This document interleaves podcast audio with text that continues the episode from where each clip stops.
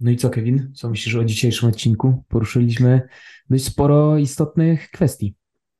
No, znowu e, masa tematów. E, miało wyjść krócej, a wyszło jak zwykle.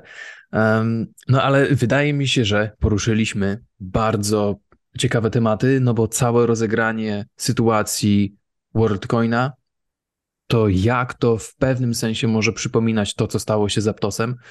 E, wydaje mi się, że to jest bardzo istotne, tak żeby podejść do tego rynku, no bo jednak ta data 24 października to jest e, data, którą każdy ma zaznaczoną w swoich kalendarzach. No tak, pogadaliśmy także o Celestii i o tym ogromnym airdropie, który, który właśnie wylądował i o tym, kto tak naprawdę może zyskać na tym e, najwięcej. Też wspomniałeś w sumie o tym, czym jest Celestia i pogadaliśmy o tym, dlaczego to jest tak infrastrukturalny, ważny, ważny projekt oraz, co ciekawe, wspomniałem o swoim może proroczym śnie, który, który w sumie jest związany z Celestią. No tak. E, no i jeszcze na sam koniec, wydaje mi się, że to e, bardzo istotne.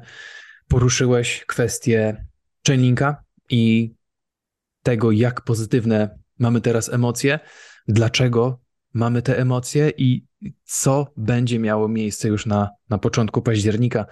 Mm, to też jest informacja, wydaje mi się, którą e, warto śledzić razem z ceną Chainlinka i tym, jak ona na to będzie reagowała.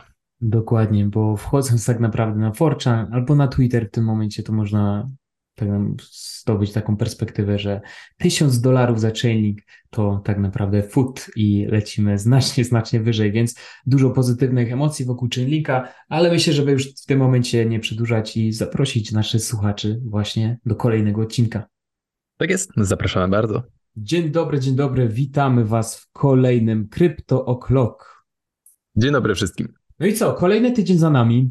Kolejne wydarzenia, które miały miejsce na rynku krypto. Niektórzy uważają, że rynek jest nudny, a wolumeny na bardzo niskich poziomach, wręcz niewidzianych od ostatnich kilku lat, a ja uważam, że to, o czym dzisiaj porozmawiamy w odcinku, jest y, niezwykle ciekawe. Jest kilka tematów, które właśnie chcielibyśmy poruszyć. I jak w ogóle, Kevin, twój ostatni tydzień wyglądał na tym rynku krypto? Co zwróciło właśnie twoją uwagę? I może to już być właśnie w tym momencie taki płynny, e, płynne przejście do, e, do tych głównych tematów e, dzisiejszego odcinka.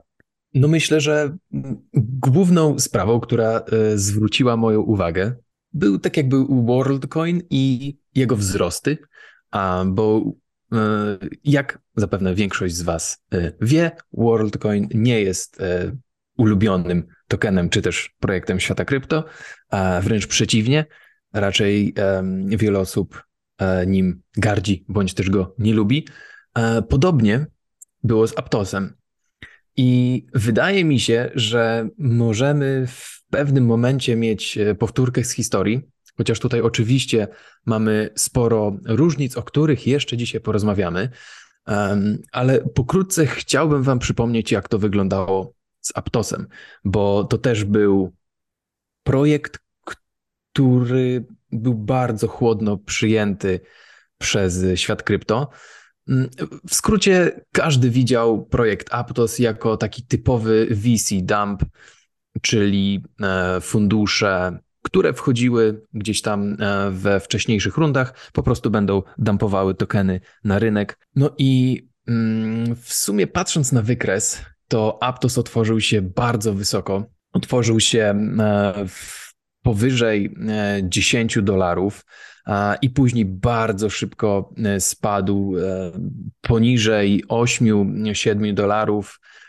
No i na przestrzeni kolejnego miesiąca czy w sumie nawet na przestrzeni kilku kolejnych miesięcy, e, Aptos jedynie szedł w dół. I mm, w miarę jak Aptos szedł w dół, nastroje były jeszcze gorsze. Jedni się cieszyli, że idzie w dół i tylko dokładali do pozycji short. No i skończyło się tak, że mieliśmy do czynienia z tak zwanym hated rally, czyli po prostu ta, ten najgorszy token, którego nikt nie lubi, ciągle zaliczał nowe ATH na przestrzeni kolejnych mniej więcej dwóch tygodni.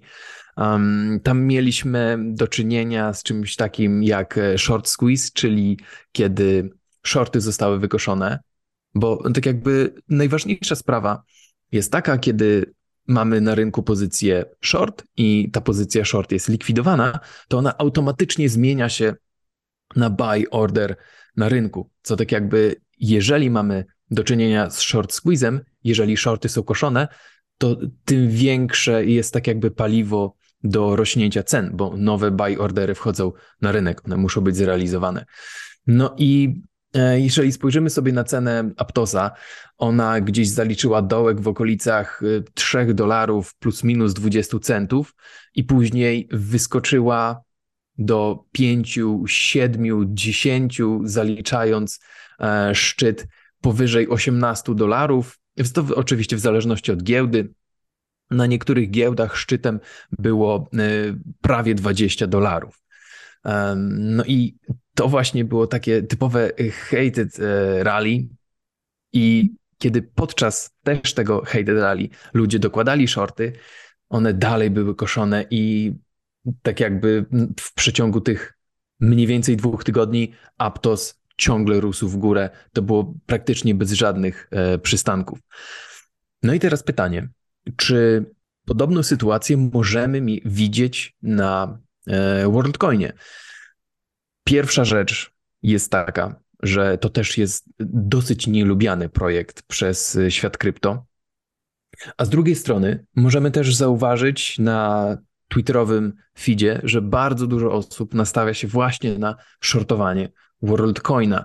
Nie są to jakieś mm, szalone liczby, jeżeli spojrzymy sobie na funding rate. On cały czas jest negatywny już, um, można by powiedzieć, od miesiąca z małymi, e, z małymi przerwami, e, ale cały czas e, on rośnie. No ale tak jak wspomniałem, nie są to mm, jakieś poziomy, które mogłyby spowodować tak szalony short squeeze, ale to jest bardzo rozwojowa sytuacja, możemy to nazwać, i mm, w pewnym momencie przy jakimś wysokim wystrzale ceny WorldCoina, to może być tak jakby wszystko może zadziać się bardzo szybko. E, ten wystrzał do góry i ten short squeeze może się zadziać bardzo szybko. Więc jest to możliwość, możemy mm, mieć do, do czynienia z czymś takim, no ale też jeżeli chodzi o WorldCoina, tutaj mamy troszeczkę inną sytuację. Za pośrednictwem właśnie market makerów i jaką rolę oni odgrywali od początku istnienia projektu WorldCoin. E, I tutaj myślę, że Kamil świetnie to opowie i ujmie, jak to wyglądało od początku, bo tam naprawdę działy się dziwne rzeczy. Czyli tak podsumowując, e, to co powiedziałeś, jakby ten hated rally polega na tym, że jest, są ogromne emocje na rynku, które jakby rynek w pewnym sensie łapie taki konsensus i uważa, że dany projekt jest słaby, bo na przykład token ekonomia jest fatalna, bo za dużo tokenów e, zostało sprzedanych do funduszy VC, bo waluacja, pełna waluacja jest, e, jest za duża, jak w przypadku Aptosa było i e, nastawia się na to, że to jest projekt, który w tym momencie powinien tylko, tylko spadać. Jeżeli sobie przypomnimy historię, nawet tam z wcześniejszych lat, to podobną sytuacją też był projekt Definity, czyli ICP, Internet Computer, E, to tam w momencie, gdy internet komputer wszedł na rynek, gdy token ICP pojawił się na rynku, to pełna waluacja była przeogromna, kilkadziesiąt miliardów dolarów, więc był, e, narracja rynkowa była taka, dobra, to ten projekt już w tym momencie jest, e, jest zbyt dużo warty. I co się okazało? Doszło do sytuacji, w której poszedł taki pierwszy duży push, jeszcze wypchnęli cały jakby market makerzy, inwestorzy wypchnęli tą cenę jeszcze wyżej, ta pełna waluacja jeszcze mocniej wzrosła i nagle cały rynek e, tak naprawdę się obudził w pewnym sensie i stwierdził, ok, to jednak było grane coś innego. Co więcej, kolejna podobna sytuacja, Filecoin, tak samo ogromna waluacja na starcie, um, tweety, w których można było przeczytać, że tak duża waluacja dla, dla tak wczesnych, dla tak, y, dla takiego projektu na tak wczesnym etapie, że to jest, jest, to, jest coś tutaj nie tak, że powinniśmy uważać. Nagle się okazuje, że Filecoin łapie e, ogromny rajd w górę i zalicza jeszcze większe wyceny i daje zarobić po kilka, kilka razy. I dopiero w, w momencie, w którym cały rynek już był zrezygnowany, już uważał, dobra, czy Filecoin, czy tam ICP jednak dobrze sobie radzi, pomimo tej dużej waluacji, to to były idealny, e, to to był idealny czas właśnie na to, żeby zająć drugą stronę, żeby zająć short, no bo tak naprawdę, jak sobie popatrzymy na wykresy ICP i Filecoina, to przez ostatnie kilkanaście miesięcy to jest tylko dół, to jest cały czas spadek. No i tutaj to, o czym rozmawiałem sobie, to to, że po, przy, dlatego, że WorldCoin e, przez to, jakim jest projektem, zaraz porozmawiamy o tym, dlaczego jest tak, um, tak znienawidzonym projektem i projektem, który wywołuje tak dużo emocji, też e, doszło do sytuacji, w której m, patrząc na pełną wycenę tego projektu, można powiedzieć, ok, ta wycena jest za duża, a w tym momencie polecimy tylko w dół i faktycznie przez pierwsze e, dwa miesiące tak naprawdę um, zaliczyliśmy tutaj duży spadek. Um, Twitter już wręcz się przyzwyczaił do tego projektu. Inwestorzy przestali o nim mówić, zaczęło być nudno. I co się okazuje, w momencie, w którym dobijaliśmy do 90 centów, w okolicy dolara 90 centów, pojawił się duży wolumen. I od tamtego czasu rośniemy i, da, i WorldCoin dał już zarobić 70%. No i teraz właśnie funding, czyli tak naprawdę to nam pokazuje trochę, jak inwestorzy podchodzą, czy grają bardziej long, czy short, czy grają na wzrosty, czy na spadki. Pokazuje nam, że raczej inwestorzy są w tym momencie zdania, że, że to jest dobry moment do tego, żeby shortować WorldCoina. A niezwykle ważne jest to, e, że już pod koniec października, 24, jeśli dobrze pamiętam, pamiętasz może tą datę? Oddania, oddania mm, środków przez market makerów 24. Tak, wydaje mi się, że to jest 24 października. Okej, okay. i to wtedy e, dojdzie do sytuacji, w której po, pożyczka udzielona market makerom na samym początku, czyli 100 milionów WorldCoinów, które było tak naprawdę taką główną, główną podażą od samego początku e, na, na rynku, musi zostać zwrócona. No i tam była cała ta sytuacja, po jakiej cenie market makerzy wypożyczyli sobie te WorldCoiny. Gdzieś średnia ta cena to była 2,2 dolara, 2,3 dolara. I mm, dochodziło na samym początku do takich spekulacji, co się wydarzy, czy ta cena będzie trzymana w jakimś takim zakresie, okolicach tych dwóch dolarów przez market makerów i nie, nie dojdzie do żadnej jakiejś dużej spekulacji, po prostu oni za trzy miesiące zarobią sobie wiem, na tym tradingu, za trzy miesiące oddadzą tokeny i to będzie po sprawie, czyli dojdzie do jakiejś spekulacji. I nawet przed tą rozmową, e, przed naszym nagraniem, zaczęliśmy sobie z Kevinem rozmawiać odnośnie tego, co my byśmy zrobili, gdybyśmy byli takim doświadczonym market makerem, który nagle otrzymuje pożyczkę w e, wysokości, sporej wysokości i jej cena tej pożyczki za token jest w okolicach 2 dolarów, 2,2. Pamiętacie, WorldCoin otworzył się na takiej wycenie, właśnie gdzieś tam w okolicach 2,2, dobijaliśmy do 3 dolarów. I a, gdy zaczęliśmy sobie rozmawiać, to um, doszliśmy tak naprawdę do wniosku, że gdybyśmy posiadali większość podaży, gdyby, e, gdybyśmy posiadali właśnie większość podaży, większość tokenów na rynku dostępnych, to idealnym scenariuszem byłoby przecież z, sprzedać to w okolicach 2 dolarów, 3 dolarów bardzo mocno, w ten sposób zaniżyć rynek, skoro mamy tak ogromny wpływ na podaż i większość tokenów jest po naszej stronie, zaniżyć rynek, a zaniżyć tak, jak to miało miejsce właśnie może do tego dolara, tam odkupić jak najwięcej za to sprzedanie, czyli typowy zagrać short w sumie na swoich pożyczonych tokenach, odkupić jak najwięcej, czyli odkupić po niższym koszcie, koszcie i tak naprawdę zabezpieczyć się odnośnie tego, że musimy zwrócić daną ilość tych tokenów, więc już mamy po niższym koszcie kupione, ta różnica jest naszym zyskiem. W tym momencie cały rynek może już um, zacząć grać całkowicie w drugą stronę, bo jeżeli już mamy odkupione tokeny, to teraz zależałoby na, by nam na tym, żeby jak najwyżej wyciągnąć wycenę e, WorldCoina. I co ty o tym myślisz, Kevin? Czy jakby, czy chciałbyś tutaj coś jeszcze dodać? Wiem, że o tym rozmawialiśmy, ale e, czy może czegoś nie, nie dostrzegamy? Czy, czy faktycznie to mogło mieć miejsce? Ja pamiętam, że już e, kilka tygodni temu wspominałeś o tego typu tego typu scenariuszy. I tak się zastanawiam, czy to faktycznie w tym momencie nie jest grane, a jeżeli jest grane, to jest szansa na to, że ten WorldCoin jeszcze sobie będzie radził lepiej w najbliższym czasie. No tak, przede wszystkim e, trzeba powiedzieć, że market makerzy to są podmioty, które raczej tak starają się ustawiać sobie rynek, żeby wyjść z plusem. Więc taka sytuacja, którą opisałeś, kiedy na początku dumpują swoje tokeny, już będąc w pewnym sensie na plus, później odkupują mm, po niższej cenie, Wydaje mi się, że to jest bardzo prawdopodobne, chociaż tutaj trzeba dodać, że tak jakby szczegóły tej pożyczki nie są znane, e, nie są publiczne, nie mamy tak jakby nie mamy pojęcia, czy może te tokeny były w jakiś sposób zablokowane od e, tak jakby sprzedaży, że market makerzy może nie mogli się ich pozbywać. No ale z drugiej strony, kiedy mm, spojrzymy sobie na wykres i e, na to, że cena WorldCoina jednak cały czas szła w dół, no to wydaje mi się, że ten scenariusz, gdzie market makerzy jednak zrzucali swoje tokeny, żeby odkupić je taniej i e, teraz pchać cenę do góry, jest dosyć prawdopodobny.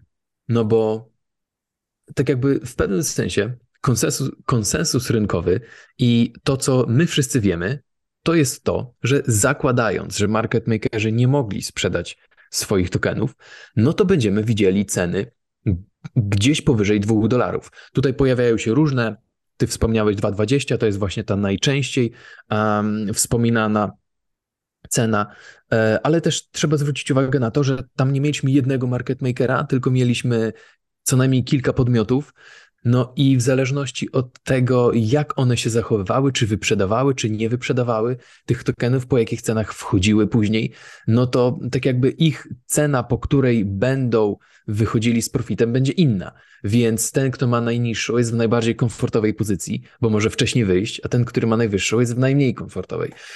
Ostatnio znalazłem taki mm, artykuł, to już e, stary artykuł na DeFi Lama, który wspominał, że tam przedział cenowy w którym market makerzy e, byliby mm, tak jakby na plusie, e, to jest około 2 y, dolary 30 kilka centów, aż do 3 dolarów e, kilkunastu centów, o ile dobrze pamiętam, więc to jest bardzo duży rozstrzał. I mm, jeżeli faktycznie mielibyśmy takie ceny, no to wtedy rynek tym bardziej mm, może w ten sposób. A tak jakby rynek coraz bardziej byłby przekonany, że te ceny muszą mieć miejsce po to, żeby market makerzy weszli z profitem. A jeżeli market makerzy y, zdampowali tokeny, odkupili niżej, to, one, to oni wcale takich cen nie muszą osiągać, żeby wyjść z profitem. Więc um, tutaj mogą mieć przewagę nad rynkiem i e, manipulować rynkiem e, właśnie w ten sposób, że gdzieś tam będą pchali tą cenę do góry, tak żeby wszyscy myśleli, że no, zbliżamy się już do tej ceny, po której oni e, będą mm, na plusie.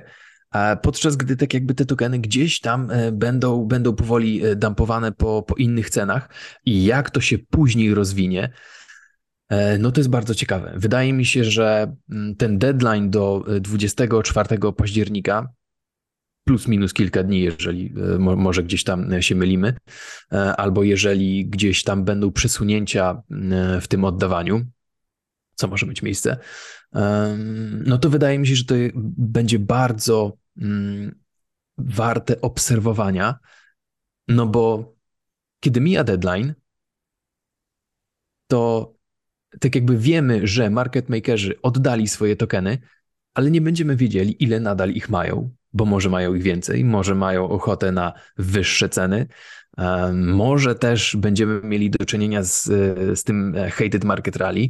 Mm, wydaje mi się, że to będzie bardzo ciekawy case, niezależnie od tego, w którą stronę pójdzie. To będzie bardzo ciekawy case, żeby to obserwować i przeanalizować, jak Tak jaką siłę mają market makerzy mm, na y, tak duże projekty? Tak, jakby wydaje mi, wydaje mi się, że w tym momencie następuje taki niezwykle ważny okres pod względem e, wyceny WorldCoina i ten miesiąc może, w tym miesiącu faktycznie może dojść do przeróżnych, przeróżnych sytuacji, ale bardzo ważne jest to, co powiedziałeś. My nie znamy szczegółów umowy, więc na przykład nie jesteśmy w stanie powiedzieć, czy tam były zapiski, że market makerzy muszą gdzieś tam e, utrzymywać cenę w jakichś konkretnych zakresach.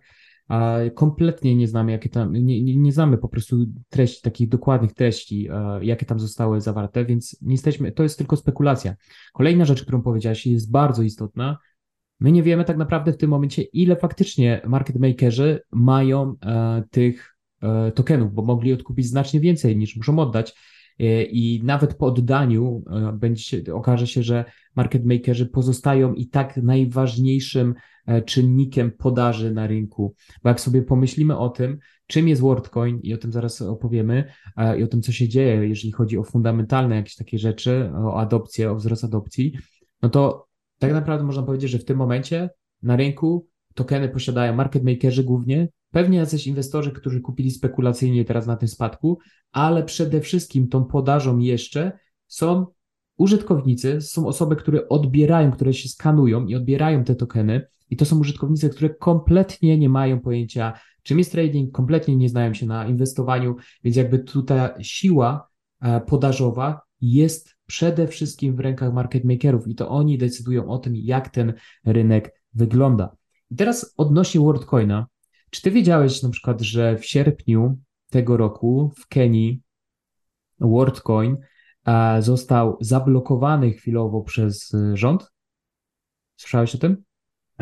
Tak, doszły mi informacje, że jakieś były problemy natury prawnej y, WorldCoina w Kenii, aczkolwiek nie znam szczegółów. Nie, nie zagłębiałem się w to, tak. ale y, właśnie te, te mhm. prawne problemy WorldCoina w różnych krajach przywijały się gdzieś na feedzie. Tak, te prawne problemy przede wszystkim są związane z tym, że WorldCoin już od 2021 roku w różnych miejscach skanował właśnie ludzi tymi swoimi orbsami, e, czyli skanował e, siatkówki e, osób, tak, którzy przychodzili, chcieli się zeskanować i za to otrzymywali tokeny WorldCoin i od 2021 roku to już się działo. I oni na przykład w Kenii jakby działali bez jeszcze odpowiedniej licencji w ogóle do przetrzymywania tych danych i tak dalej, i w tym momencie tam są tego typu też problemy. Ale to, co chcę powiedzieć, to to, że w Kenii e, tego roku, w sierpniu, WorldCoin został zablokowany przez rząd, dlatego że popularność tej aplikacji i a chęć do zeskanowania się, aby otrzymać darmowe e, tokeny, była tak duża, że ludzie ustawiali się w kolejkach, w których musieli czekać po kilka godzin w ogromnym upale, stłoczeni, tylko po to, żeby otrzymać właśnie te tokeny. I teraz z jednej strony nasza perspektywa jest taka, bo przypominam to, że a i w momencie, w którym się skanujemy, WorldCoin działa tak, że jeżeli się zeskanujemy, to otrzymujemy 25%, 25 tokenów e, WorldCoina, WLD. I te 25 5 tokenów w tym momencie to jest razy, no, razy 1,8 dolara, czyli możemy sobie szybko e, pomyśleć, e, jakby tak zobrazować, jakie to są kwoty i dla nas tutaj to nie są jakieś takie duże kwoty. Nie wiem, czy ty byś czekał kilka godzin w kolejce, gdyby ktoś ci zaoferował tam 50, 40 no, kilka dolarów? Raczej, raczej bym się na to y, nie zdecydował, ale to też jest bardzo ciekawa różnica a propos mm, tak jakby rozwoju i adopcji tego WorldCoina, gdzie on e, faktycznie zwiększa swoją adopcję i jest to zainteresowanie. No i to są kraje mniej zamożne e, mhm, w ten sposób. E, I to też jest bardzo duża różnica o, o tym jeszcze y, później mm, dotkniemy na chwilę tego tematu, ale, mm, ale tak fa faktycznie, e, jeżeli chodzi o adopcję na przykład w Europie czy w Stanach, no ona nie była aż taka duża. E, te zainteresowanie nie było, nie było aż takie duże. Um... Tak, i jakby i, i, jeszcze dokończę tylko z tą, z tą Kenią. I wyobraź sobie, że w tej Kenii było tak, że to zainteresowanie było tak duże, że rząd musiał ingerować, aby ludzie po prostu nie gromadzili się w tak ogromnych, e, w tak ogromnych kolejkach, bo to groziło im e, bezpieczeństwu, życiu i tak dalej. Więc dochodziło nawet do jakichś sytuacji, do wypadków, więc rząd musiał zaingerować, żeby powstrzymać to, bo tyle osób chciało się zeskanować, oddać swoje dane za e, za 25 WorldCoinów.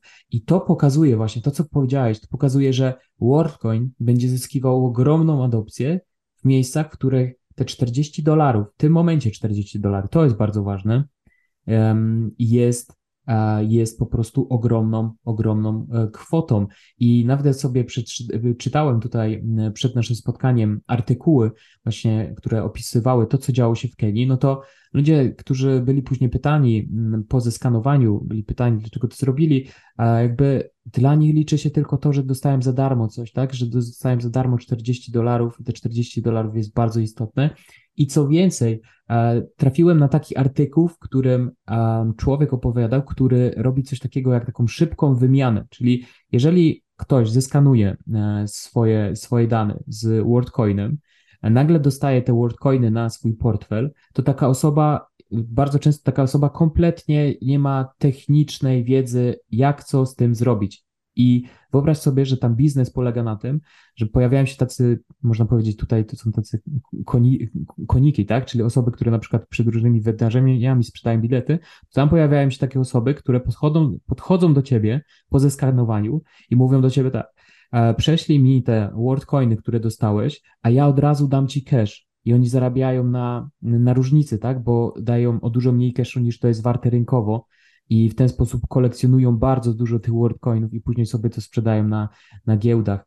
E, I to jest jakby, im więcej sobie czytałem te WorldCoiny, tym bardziej mnie to przeraża, a z drugiej strony statystyki są takie, że w tym momencie już mamy 2,2 E, so, przepraszam, 2,3 miliona osób już ze 120 państw e, z całego świata zostało, e, zostało zeskanowanych. I przez ostatnie gdzieś tam 7 dni, to jest nowy artykuł, przez ostatnie 7 dni 30, 39 nowych, nowy, 39 tysięcy nowych adresów zostało, zostało po prostu wytworzonych, więc no widać, że ta adopcja rośnie bardzo mocno. I tutaj jeszcze jest y, jedna kwestia, bo gdy zacząłem się wczytywać, ok, w których krajach, tak jak wspomniałeś, to są kraje mniej zamożne, to na przykład w Chile już ponad 1% populacji e, zostało zeskanowane. W Portugalii, Portugalii, to co mnie zaskoczyło, w Portugalii tak samo, że to już 1%. E, więc e, no mam wrażenie, że nam ta adopcja bardzo przyspiesza. No i teraz mm, to, co chcę powiedzieć, jeżeli chodzi o taką spekulacyjną stronę, o to, żeby się zastanawiać, czy ten WorldCoin jest dobrą inwestycją teraz, czy nie, no to 24 market makerzy oddają swoje tokeny, kończy się pożyczka, trochę nie, nie znamy, tak jak powiedzieliśmy, nie znamy tych szczegółów, ale ta adopcja nam rośnie coraz to e, szybciej, e, coraz to mocniej i może dojść do sytuacji, w której newsy związane z tym, ile osób zostało zeskanowanych, jak to szybko idzie, będą bezpośrednio napędzały cenę. No i to, co jest super istotne, to to, że przez rok nie mamy nowej podaży. Tam nie będzie podaży inwestorów, tam nie będzie podaży funduszy VC. Jedyna podaż, która się będzie pojawiała, będzie bezpośrednio związana z szybkością adopcji WorldCoina, czyli tyle, ile nowych osób wejdzie, tyle nowych tokenów będzie, będzie po prostu dostarczonych na rynek. Więc uważam, że zaczyna się dosyć ciekawy okres dla WorldCoina. Um, uważam, że to może dojść tutaj do sytuacji, która po prostu w jakiś sposób zaskoczy cały rynek. I tak się zastanawiam, czy, czy masz jeszcze na ten, na ten temat jakieś e, przewidywania, czy na przykład, jakbym tak Cię zapytał, oczywiście to nie jest porada inwestycyjna w żaden sposób, czy uważasz, że WorldCoin w tym momencie może być ciekawą inwestycją, czymś na przykład, nad czym sam się zastanawiasz? Jak do tego podchodzisz?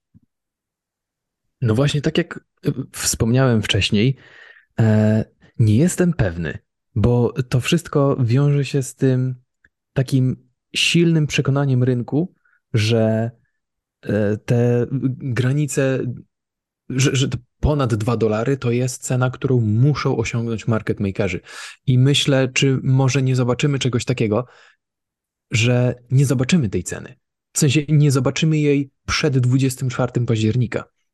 zakładając, że właśnie market makerzy e, sprzedają, sprzedadzą z profitem taniej, bo tak jakby zdampowali, weszli niżej.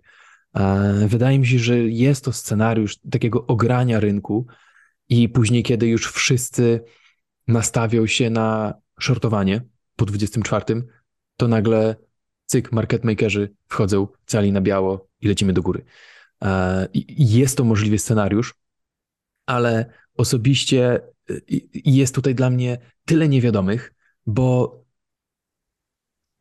tak jakby bet na WorldCoina teraz to jest bet na niewiadomą e, przyszłość i na zachowanie market makerów. Więc tak jakby ja czuję, że totalnie nie mam e, tutaj żadnego edge'a, jeżeli chodzi o informacje. E, możemy sobie tutaj mówić o różnych scenariuszach i ocenić ich prawdopodobieństwo, ale nie nie jestem pewny żadnego z tych scenariuszy na tyle, żeby e, zajmował jakąś pozycję w WorldCoinie, czy to long, czy short.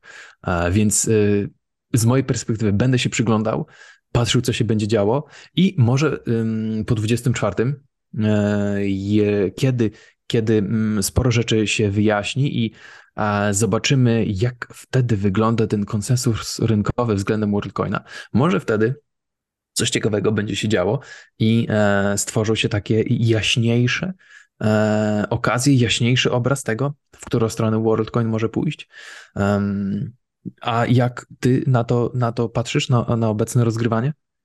Ja myślę, że przede wszystkim osoby, które są e, jakoś tak mocno zainteresowane tym rozgraniem, to, to warto sobie dodać um, tutaj tablicę na Dune Analytics, która pokazuje co dwie godziny aktualizuje nam cyrkulację, cyrkulację WorldCoina, bo to, jest, bo to jest bardzo istotne. W tym momencie ta cyrkulacja to jest e, prawie już 132 miliony WorldCoinów dostępnych na rynku. No i tak jak wspomnieliśmy, ona rośnie wtedy, gdy rośnie po prostu, e, gdy rośnie ilość nowych użytkowników. I to jest coś, na co powinniśmy zwrócić uwagę.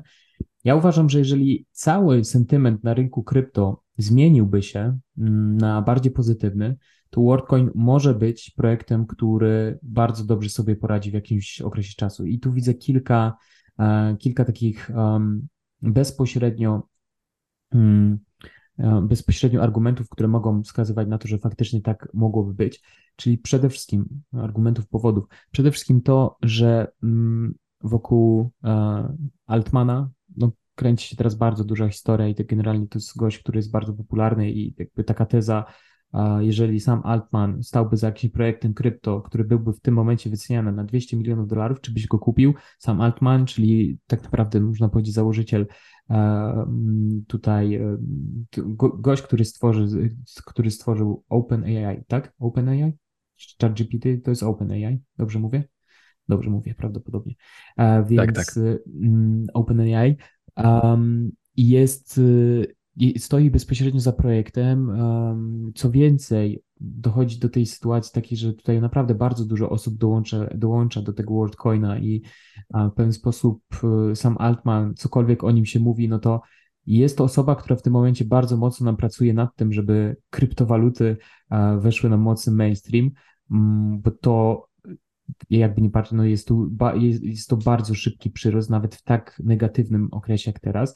Dołączają osoby, które wcześniej nie były związane z rynkiem, nagle te osoby zaczną, e, zaczną spekulować gdzieś tutaj na innych jakichś protokołach. Jest tu bardzo dużo takich pozytywnych rzeczy, które mogą się wydarzyć.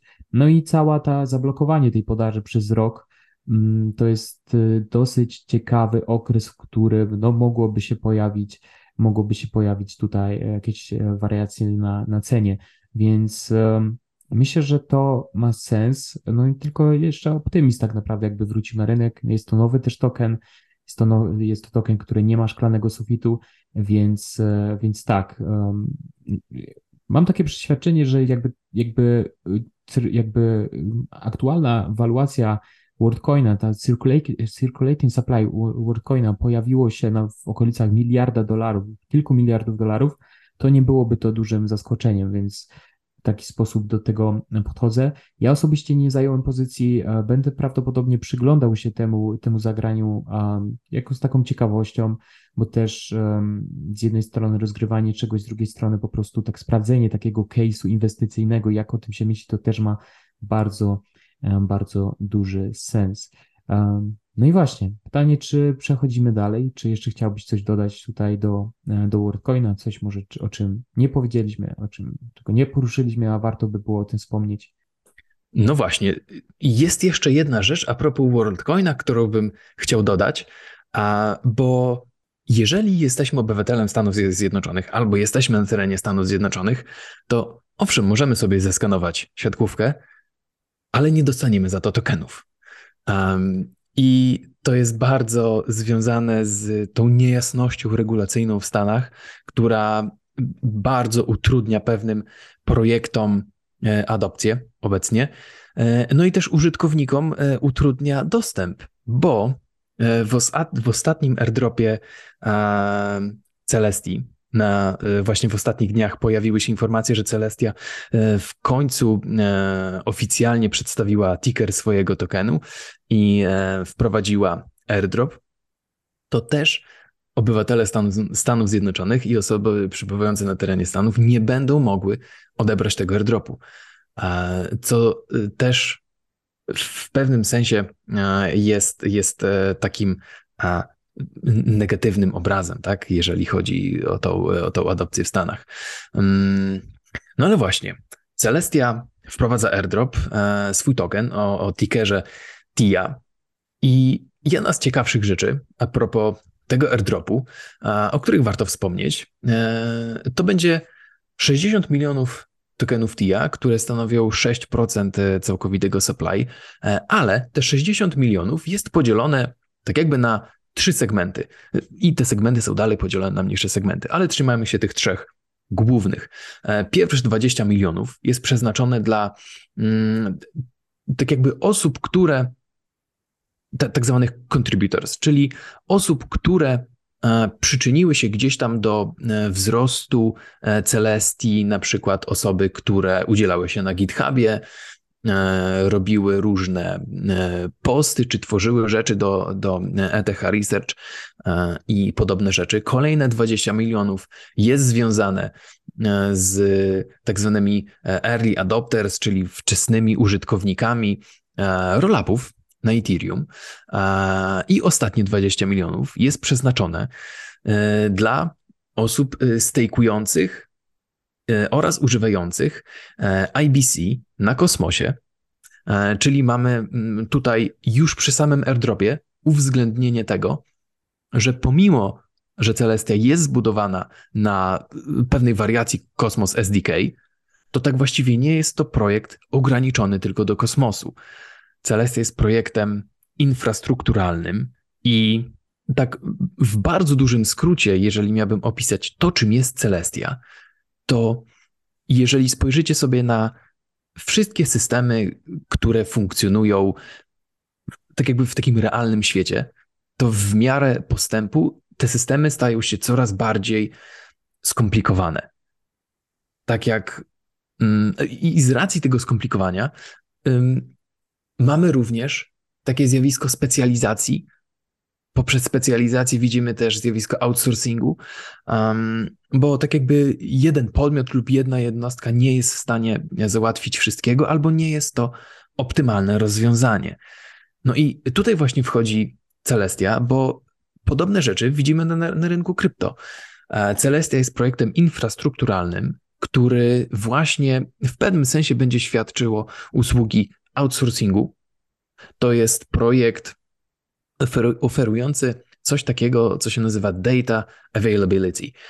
No i możecie sobie pomyśleć o Celestii jako o takim magazynie na dane, w którym, do którego projekty będą wysyłały swoje dane i one tam będą przechowywane.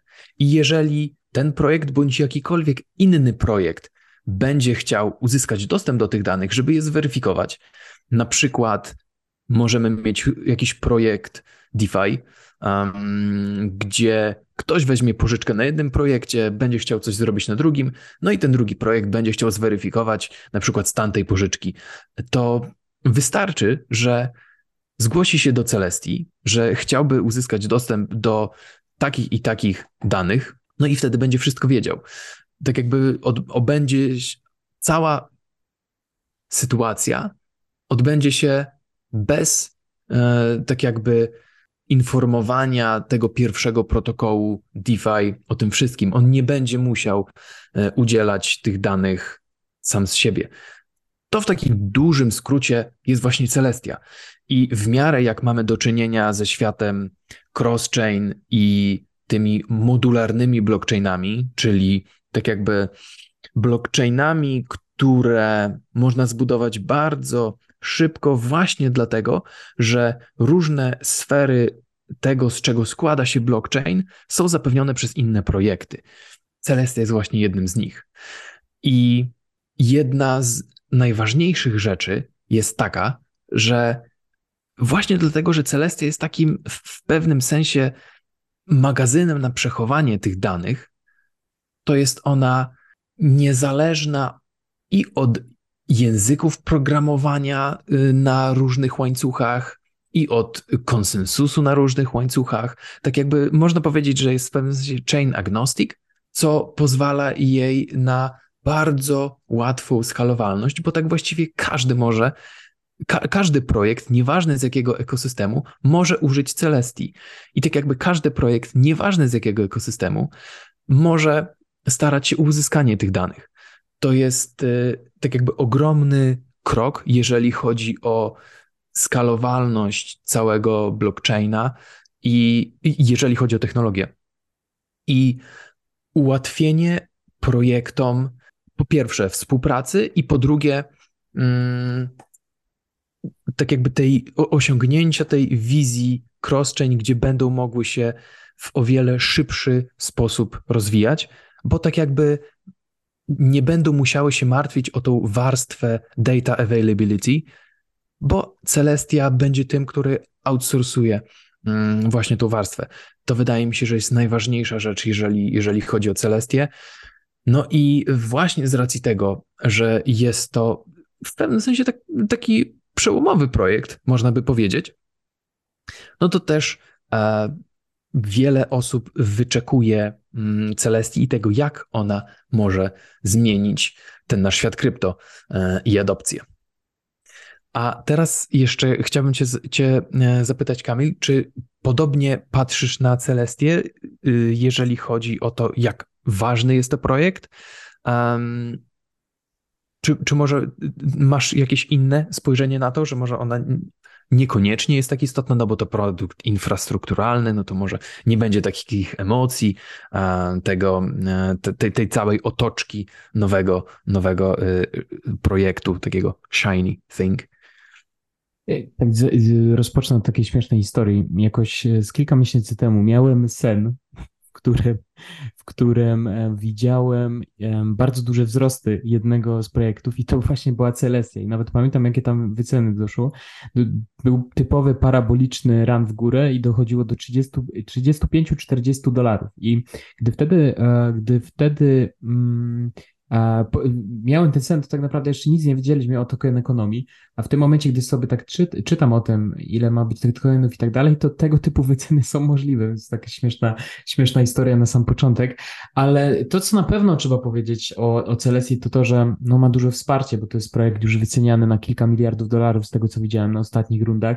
Więc to jest kolejny tego typu projekt, który wchodzi już na, na rynek, Um, największe zwroty i największą kasę oczywiście zarobią na tym fundusze, inwestorzy, którzy byli od samego początku i oni wraz z wejściem na rynek już będą zarobieni, już tam będzie, to, to będzie taki typowy, typowy po prostu VC, uh, VC profit.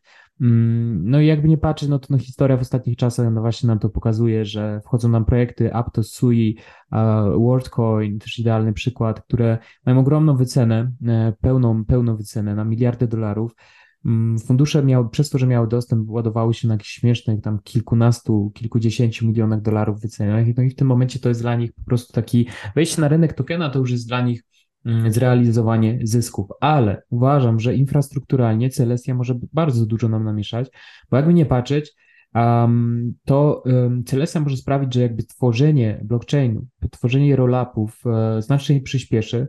Uważam, że Celestia może sprawić to, że na kosmosie zacznie się więcej dziać, ponieważ um, Celestia w pewnym sensie może wprowadzić taki trend na to, żeby tworzyć blockchainy, które, w których tak naprawdę e, dane blockchainy, projekty nie muszą mieć swojego tokena, żeby tak naprawdę poskładać cały blockchain i działać, bo to twoje, mm, twoje zobrazowanie sytuacji i określenie, czym jest Celestia, czyli tak w pewnym sensie takie wynajmowanie e, tej tej przestrzeni w Celestii i w ten sposób możemy sobie poskładać swój własny modularny blockchain, mm, to to jest właśnie idealne zobrazowanie sytuacji, że nagle się okazuje, że to inni dla nas świadczą usługi, które, o które do tej pory musieliśmy się sami martwić, a jednak to bezpieczeństwo blockchainów, bezpieczeństwo właśnie i rollupów i tak dalej, to jest super, super istotne i to jest bardzo, to jest taki, taki fundament.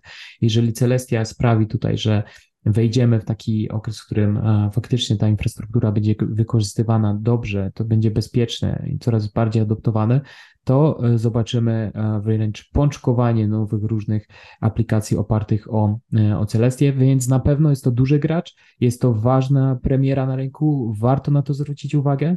No i nawet przed naszym spotkaniem rozmawialiśmy też o założycielach i fajnie jakbyś opowiedział tą historię, trochę, może nie historię, ale wspomniał o tym, kim jest założyciel Celestii i jaką ma ciekawą historię, bo to też pokazuje, że to nie jest projekt robiony przez pierwsze, lepsze osoby.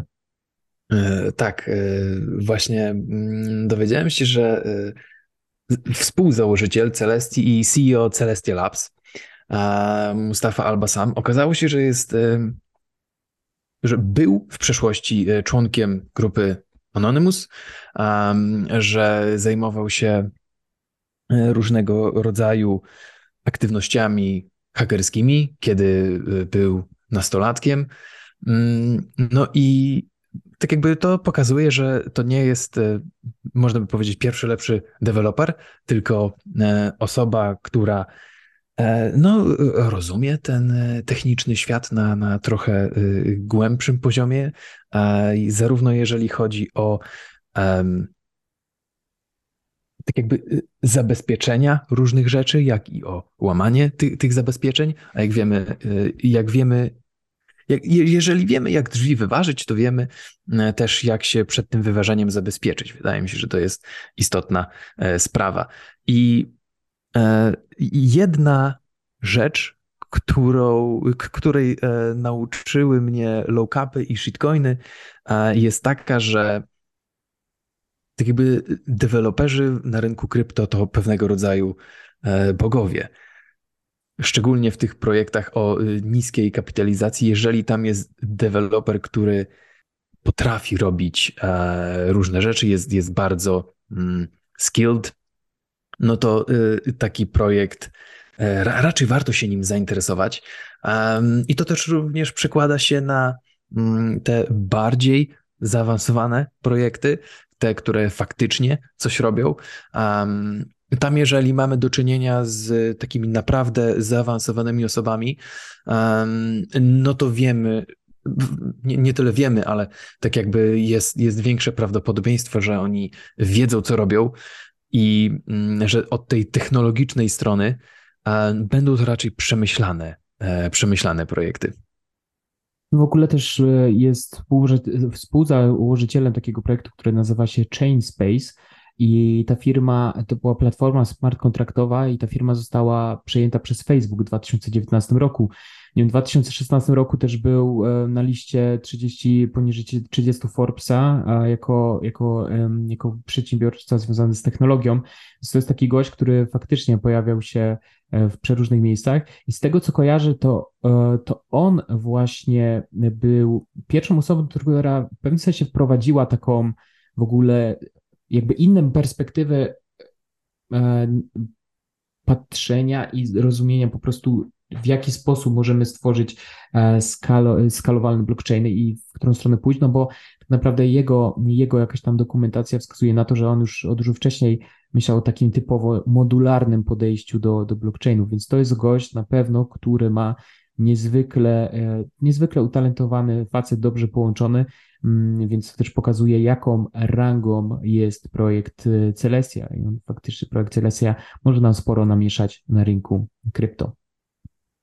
Tak, tu właśnie tak jak wspomniałeś, że on wcześniej już mniej więcej miał tą e, wizję, jak inaczej można zacząć budować blockchainy, no to też Celestia, tak jakby pierwsza nazwa Celestii to było Lazy Ledger, No i właśnie ten white paper Lazy Ledgera był stworzony przez właśnie Mustafa Albasama. O ile dobrze pamiętam, to był 2019 rok, więc no już e, ładnych kilka lat temu e, była właśnie wizja takiego protokołu jak, jak Celestian. Później zmienił nazwę mm, i, i troszeczkę założenia, ale, no ale tak, ale to już kilka ładnych lat temu ta wizja się pojawiła. Tutaj to, co jest istotne jeszcze z, w airdropie, o którym wspomniałeś, to z tego co wiem, do 15 października jest deadline, więc warto sobie posprawdzać wszystkie swoje wallety, które, na których mieliście jakąś aktywność, jeżeli chodzi o layer dwójki, mm, o rollupy. Więc tak się nawet zastanawiam, czy te osoby, które miały po kilkanaście, kilkadziesiąt walletów na, e, na arbitrum przygotowane, czy nagle się nie okaże, że też tutaj mają do odebrania ogromny drop. Nie? Tak, to bardzo możliwe. E, faktycznie, e, claim airdropu jest bardzo krótki. To, to jest, o ile dobrze pamiętam, 17 października, e, no, czyli nieco ponad dwa tygodnie. To jest, jest bardzo krótki okres, bo niektóre projekty na przykład mają, tak jakby nie mają mm, tego limitu czasu, można zawsze go odebrać, czasami tak jest. Na Celestii to jest bardzo krótko, co, co też jest w pewnym sensie takim plusem, no bo tak jakby mamy, będziemy mieli do czynienia tylko z tymi aktywnymi użytkownikami, mm, którzy śledzą te informacje. No i też, e, jeżeli chodzi o te wallety i sprawdzanie, no to też to nie jest tylko Metamask, bo e, z racji tego, że właśnie Celestia jest e, w pewnym sensie niezależna od ekosystemów i na różne sposoby mogliśmy wejść w interakcję, z tym e, protokołem, no to możemy sprawdzać na Metamasku, możemy sprawdzać na wallecie mm, kosmosowym, takim jak e, Kepler. Mm, tam też e, polecam sobie sprawdzić. I chyba, chyba jeszcze na jednym, ale, ale tutaj wyleciało mi to z głowy. No ale Metamask, i, czyli wallety z Ethereum i wallety z kosmosu warto sobie, warto sobie y, sprawdzić, czy może gdzieś tam e, dostaniemy jakieś, jakieś tokeny. Okej. Okay. E, myślę, że powoli Celestię możemy zostawić ze sobą um, i przejść tutaj jeszcze do takich informacji, które według Ciebie w tym tygodniu też były istotne. Czy chciałbyś się tutaj czymś podzielić, coś o czymś, o czymś wspomnieć? No tak, jedna rzecz, o której bym wspomniał, y, która nie jest stricte związana z projektami, tylko bardziej z takim szerszym y, światem krypto. Pojawił się na Twitterze deepfake Vitalika, który był wrzucony y, nie jako scam, bardziej jako żart. Żart, w którym Vitalik shilował jakiś projekt na ekosystemie e, SHIB. Nie pamiętam dokładnie e, te, tej nazwy, aczkolwiek najważniejsza rzecz jest taka, że był to deepfake, na który wiele osób mogłoby się nabrać. I jeżeli dobrze pamiętacie, to jakieś dwa tygodnie temu konto Vitalika na Twitterze zostało zhakowane przez SimSwap i skradziono tam można powiedzieć, e, że, e, że e, nie, nie tak dużo, nie, nie tak dużą kwotę. No ale chodzi o to, że jeżeli konto Vitalika zostało zhakowane, tam chodziło o to, że mm, atakujący wrzucił link do mintu takiego NFT związanego z Ethereum, um, gdzie po prostu wydrenował wallety osób, które skusiły się na, na taki e, free NFT. Tu też trzeba wspomnieć, że to nie był jakiś taki e, skamowy e, NFT, jeżeli chodzi o wygląd, bo to przypominało taki historyczny NFT, które już mogliśmy mintować od Ethereum czy Consensus przy takich dużych milestone'ach Ethereum, więc wyglądało to legitnie, można by powiedzieć. No ale największy problem jest taki, że wyobraźcie sobie, jaki ogromny wpływ na cały świat krypto ma Vitalik. I kiedy pomyślicie, co osoba, która przejęła konto Vitalika, mogła zrobić z całym światem krypto, to mogłyby być straty ogromne. To, e, tutaj naprawdę ciężko sobie wyobrazić, jakie straty mógłby spowodować, tweetując coś jako Vitalik albo odnośnie Ethereum, albo innych projektów, albo ogłaszając, że odchodzi, sprzedaje wszystkie Ethereum i jakieś fejkowe transakcje wrzucić, no to byłaby panika na całego. I chciałbym tutaj uczulić Was na informacje, które czytacie czy słuchacie, nawet z tych oficjalnych kont na Twitterze, bo często jest tak, że te oficjalne konta padają ofiarą e, hakerów. Weryfikujcie informacje, jeżeli są to informacje, tak jakby weryfikujcie w kilku źródłach. E, dobrze mieć e, też konta, które mm, starają się weryfikować, czy coś jest prawdą, czy też nie. I jeżeli macie do czynienia z jakąś informacją przełomową, e, na przykład tak jakby Witalik coś bardzo kontrowersyjnego zapostował, no to lepiej jest poczekać chwilę i zobaczyć, po, poczekać aż opadnie kurz, na spokojnie zobaczyć, co z tego będzie i czy to jest faktycznie prawda, a nie podejmować e, od razu jakieś akcje, czy to kupno sprzedaży, czy, czy cokolwiek innego. No bo to może po prostu ukazać się e, skamem lub deepfake'iem. Więc na to chciałbym Was uczulić, bo im dłużej będziemy na tym rynku krypto, tym bardziej będziemy wyczuleni na takie sytuacje, ale też im bardziej mamy do czynienia z AI teraz, tym więcej takich fejków i, i mm, fejków, skamów, deepfake'ów będzie, będzie się pojawiało, więc y, dobrze o tym pamiętać i, i być jeszcze bardziej wyczulonym na to. No to, to w ogóle jak, um, jak jakby forma oszukiwania zmieni się w najbliższych latach, to, to, jest, y, to jest wręcz niesamowite. Tak jak w tym momencie jest coś na wnuczka, to e, za jakiś czas wnuczek, wnuczek e, w cudzysłowie będzie do nas, mm, będzie do naszych babci dzwonił, tak, i się podawał za nas, więc no bardzo dużo się zmieni i na pewno trzeba uważać, więc to jest super istotny punkt, no bo coraz częściej można usłyszeć, że nawet osoby doświadczone gdzieś nabierają się na jakieś skamy, będzie tego coraz więcej, będą coraz lepsze skamy, więc e, pamiętajcie, przede wszystkim zawsze trzeba e, zastanowić się, czy, czy to, co czytacie, ma, ma w ogóle sens. No, Vitalik nigdy nie, nie, nie, nie zacząłby promować jakiegoś coina. To jest, to jest e, zawsze tego typu sytuacje są, są dla nas taką czerwoną flagą, więc fajnie, że to poruszyłeś. Ja może na samym końcu jeszcze powiem o Chaining, zrobię takie krótkie podsumowanie i w pewnym sensie ostrzeżenie. Um, Rozmawialiśmy o czynniku w zeszłym tygodniu. Ten czynnik nadal sobie radzi bardzo dobrze. Przebił już w tym momencie 8 dolarów, y, gdy to nagrywamy.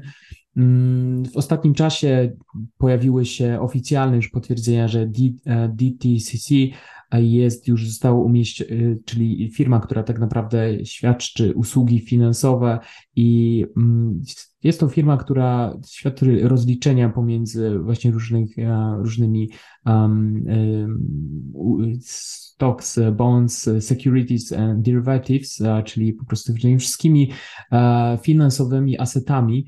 Mm, I to jest firma, która, e, która robi rocznie kwadrylion e, dolarów po prostu takich rozliczeń. To jest taka liczba nawet, której, której sobie, którą ciężko sobie wyobrazić, więc ogromny, ogromny gracz. No to oni już oficjalnie pojawili się na stronie Chaining jako live partner, czyli jako rozwiązanie, które już w tym momencie działa. To jest bardzo, bardzo duża informacja. No i pojawiają nam się oczywiście to, dlaczego Chain radzi sobie w tym momencie jeszcze tak dobrze, to pojawiają się przeróżne spekulacje na temat tego, co wydarzy się na, na wydarzeniu, które już w tym momencie drugiego, trzeciego, czy już za kilka dni zostanie odpalone w Barcelonie, czyli SmartCon. Mm, pojawiają się, pojawiają się na przykład y, informacje, spekulacje na temat tego, że Vodafone, czyli ogromna sieć telekomunikacyjna, oficjalnie e, ogłosi współpracę z Chainlinkiem e, na zasadzie takiej, że wspólnie będą tworzyli e, systemy, które będą świadczyły, będą świadczyły decentralizację, będą to swego, swego rodzaju nodami dla Dla Chainlinka jest tutaj kilka tak wskazówek, że coś takiego faktycznie może się wydarzyć. Między innymi 3 października o 10.25 będzie właśnie, mm, będzie właśnie taki panel, w którym i właśnie e, tutaj ludzie bezpośrednio z Vodafone i Chainlink będą wspólnie rozmawiali o tym, jaki sposób e, CCIP może zmienić tradycyjny świat finansów, więc to jest jedna rzecz, o której Link Marines i społeczność krypto zaczyna rozmawiać i wspominać o tym, że coś dużego się może tutaj wydarzyć i warto zwrócić uwagę na ten panel.